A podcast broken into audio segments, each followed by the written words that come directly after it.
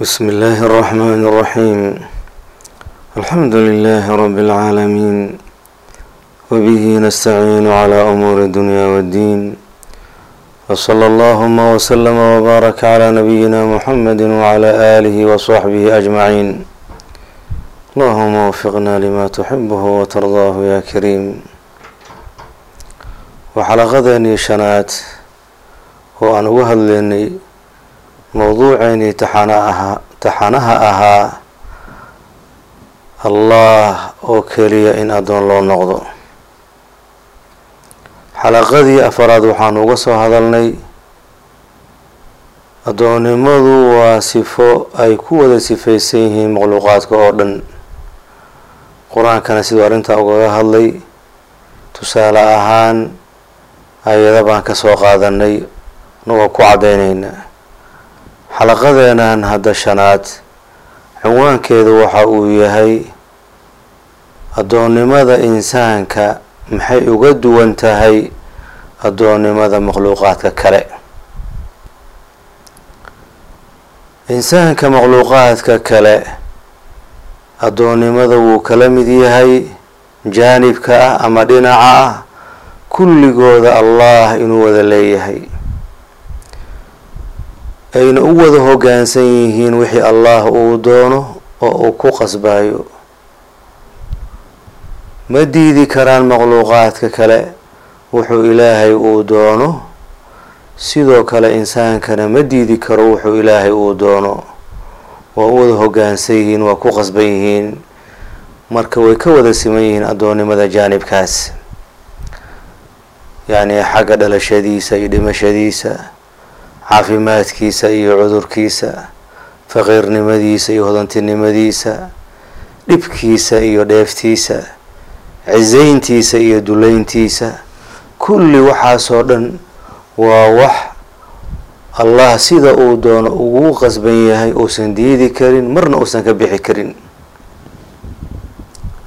Cubuudiyadaas ama addoonnimadaasna waxaa lagu magacaabaa addoonnimo addoonnimada aan ikhtiyaarka lahayn ama addoonnimada uu ku qasban yahay insaanka oo uu ku abuuran yahay saas uu ku abuuran fitriga ah. Marka addoonnimadaas aan ikhtiyaarka lahayn oo uu kala siman yahay makhluuqaadka kale ayada ku mutaysan maayo insaanka janno iyo naar yacni xukun ma arkaysaa waxaa weeyaan yacni kalene ku qaadan maayo oo gaalnimo iyo islaamnimo yani ku qaadan maayo. Taasi marka haddaan intaa uga baxno dhinaca labaad oo insaanka addoon uu ku yahay ugagana duwan yahay makhluuqaadka kale waxay tahay addoonnimada ikhtiyaariga ah ilaahay subxaanahu wa tacaala insaanka wuu karaameeyey wuu ka fadilay makhluuqaadka kale oo dhan caqli buu ilaahay uu siiyey uu wax ku kala saaro wixii xun iyo wixii wanaagsan wixii dhibaya iyo wixii anfacaya caqli buu ilaahay uu siiyey. Wuxuu kaloo ilaahay uu u yeelay awood uu ku doorto wixii isaga uu doono oo caqiida ama diin ah ama dhaqan iyo camal ah. Yacni waxa weeyaan khayr iyo shar toosnaan iyo dhunsanaan. Intaba isaga doonistiisa ayuu ilaahay uu u daayay. Laguma qasbin. Xorriyad baa loo siiyey. Dariiqii uu rabo insaanka inuu qaado yacni diintii uu rabo inuu doorto ilaahay xorriyad buu u siiyey. Isagoo ilaahay arrintaa ka hadla ilaahay wuxuu yidhi laa ikraha fi diin diinta isku qasbid ma jirto. Qofka ikhtiyaarkiisa ayay ku xiran tahay. Walidaalika diinta islaamka qofka markuu qaadan waa inuu ku qaato qanacsanaan iyo ku raali aansha ahaan waa inuu ku qaato. Sidaas unbuuna ku noqon karaa qof muslim dhab ah. Markuu raalli ku noqdo islaamkii iyo addoonnimada allah uu u yahay wuuna ku qanacsan yahay. Markaasuu muslim noqonayaa oo ilaahayna subxaanahu wa tacaalaa jannadiisa uu ku abaalmarin doonaa haddii uu islaamkaas uu ku dhinto. Ayadaha marka caddaynaya dhinacan ikhtiyaarka loo siiyey insaanka oo isaga doonistiisana lagu xiray doorashadiisa loo daayay allah subxaanahu wa tacaala yacni qur'aankiisa wuxuu ku yidhi soo arrintaa noo caddaynayo man camila saalixan falinafsihi waman asaaa facalayha qofkii camal wanaagsan sameeya naftiisa unbuu u samaystay camalkaa wanaagsan. Abaalmarinta camalkaa wanaagsan naftiisa unbay u sugnaatay. Cid kaloo abaalkaasi la yeelanaya oo isaga ka qaadanaya ma jirto qofkii dhumana ama waman asaa qofkii xumaan sameeya camalka xumeeyana. Xumaynta camalkaas dhibkeedii iyo ciqaabteedii naftiisa korkeed unbay ahaanaysaa aayadka ilaahay wuxuu ku yiri man ihtadaa fa inamaa yahtadii linafsihi. Qofkii ma arkaysaa hanuuno naftiis unbuu u hanuunay. Oo faa-iidada iyo waxtarka hanuunkaasi uu leeyahay naftiis unbuu ku soo noqonayaa waman dalla fa inamaa yadilu caleyhi qofkii dhumana naftiisa korkeeda unbay ahaatay dhumidaas ciqaabteedii iyo dhibkeedii. Marka ilaahay subxaanahu wa tacaala insaankii wuu imtixaamay takliif yacni buu kagaga duway waxbuu ku kalifay inuu isaga uu doorto dariiqa xaqa ah addoon u noqoshada allah inuu doorto ayaa lagu kalifay.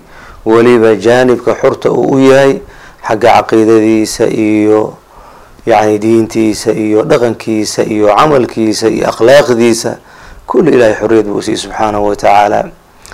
Marka waxaa kaloo meesha ku jirto in la xusa mudan yacni insaanka ilaahay subxaanahu wa tacaala caqligiisa iyo garashadiisa uguma uusan tegin ilaahay risaale ayuu u soo dejiyey ama kitaab qur'aan buu soo dejiyey oo wax walba caddaynaya wanazalnaa calayka alkitaaba tibyaana likulli shay.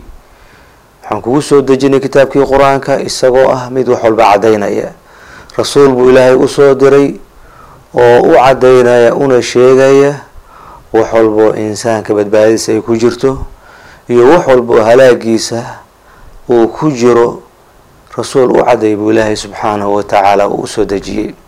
Marka qof ku cudur daaran karo berito qof wax ii sheegay aniga ma aanan arkin. Ama aniga sidaasaan ma arkaysaa waxa ay ku qasbanaa qof dhihi kara ma laha. Wahadaynaahu najdayn. Yacni inaa hadaynaahu sabiil. Waddadii allah oo qofka jannadiisa gaarsiin lahayd allah subxaanahu wa tacaala wuu u caddeeyey laba mid unbuu noqonayaa inuu diido waddadaas raacideedii iyo inuu raaco markaas ilaahay ugu shukriyo. Ilaahay ma arkaysa wax ugu mahadiyo. Hanuunkaas ilaahay ugu deeqay uu siiyey.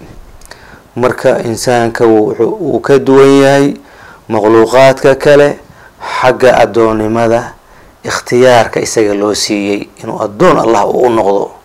Marka waana mawduucii oo aan ka soo hadlaynay xalaqaadkeenii hore oo dhan ayay ma arkaysaa waxaa weeyaan tanna ay ka mid tahay waana tashriif baa ugu jirta insaankii karaameyn baa ugu jirta oo allah uu karaameeyey imtixaankana si uu u noqdo imtixaan ma arkaysaa waxaa weeyaan qiimo leh ama imtixaanka qiimihiisii uu u muuqdo qofka isagaa loo daayay hadduu rabo macnihi waxaa weeyaan waxaas ilaahay uu ku kalifay uu ka doonayo ayuu qaadanayaa wuu la imaanaya wuu sameynayaa haddii uu diidana waxa weeyaan isagaa xorriyad ikhtiyaar loosii loo siiyey. Allah subxaanahu wa tacaala qur'aankiisa wuxuu ku yidhi waqul ilxaqu min rabbikum faman shaaa falyu'min waman shaaa falyakfur. Waxaa ku tiraahdaa nabiyu calayhi salaatu wasalaam dadka aada u cad u sheegtaa xaqa rabbigiina xaggiisa ayuu ka yimid qofkii doona ha rumeeyo xaqaas qofkii doonana ha ku kufriyo isagaa ikhtiyaar u leh. Ina hadihi tadkiratun faman shaaa dakarahu ayadahan qur'aanka waa waanin iyo xusuusin weeyaan qofkii doonana wuu ku waana qaadanaya wuu ku waansamaya laakiin qofkaan diyaar aan u ahayn inuu ku waana qaato uu ku waansamo haddee isaga ayaama qof ku qof ku qasbi karta arrintaas ma jirto. Ilaahayna subxaanahu watacaala dadka quluubtoodii iyo acmaashoodii ayuu fiirinayaa. Sidaasuuna ma arkaysa waxa weeyaan abaalmarintooda aakhiro yacni saldhig uga dhigi doonaa waxaa qalbigoodii iyo camalkoodii ka muuqdo buu ilaahay subxaanahu watacaala ku abaalmarin doonaa. Iyadoo taasna cadaalad ay tahay dulmina aysan ahayn oo ilaahay addoommadiisa uu dulminayo wamaa rabuka bidallaami lilcabiid. Marka intaas ayaanu ku soo gabagabeyneynaa xalaqadeenii shanaad oo ahayd insaanka muxuu kaga duwan yahay makhluuqaadka kale xagga addoonnimada. Wabillahi towfiiq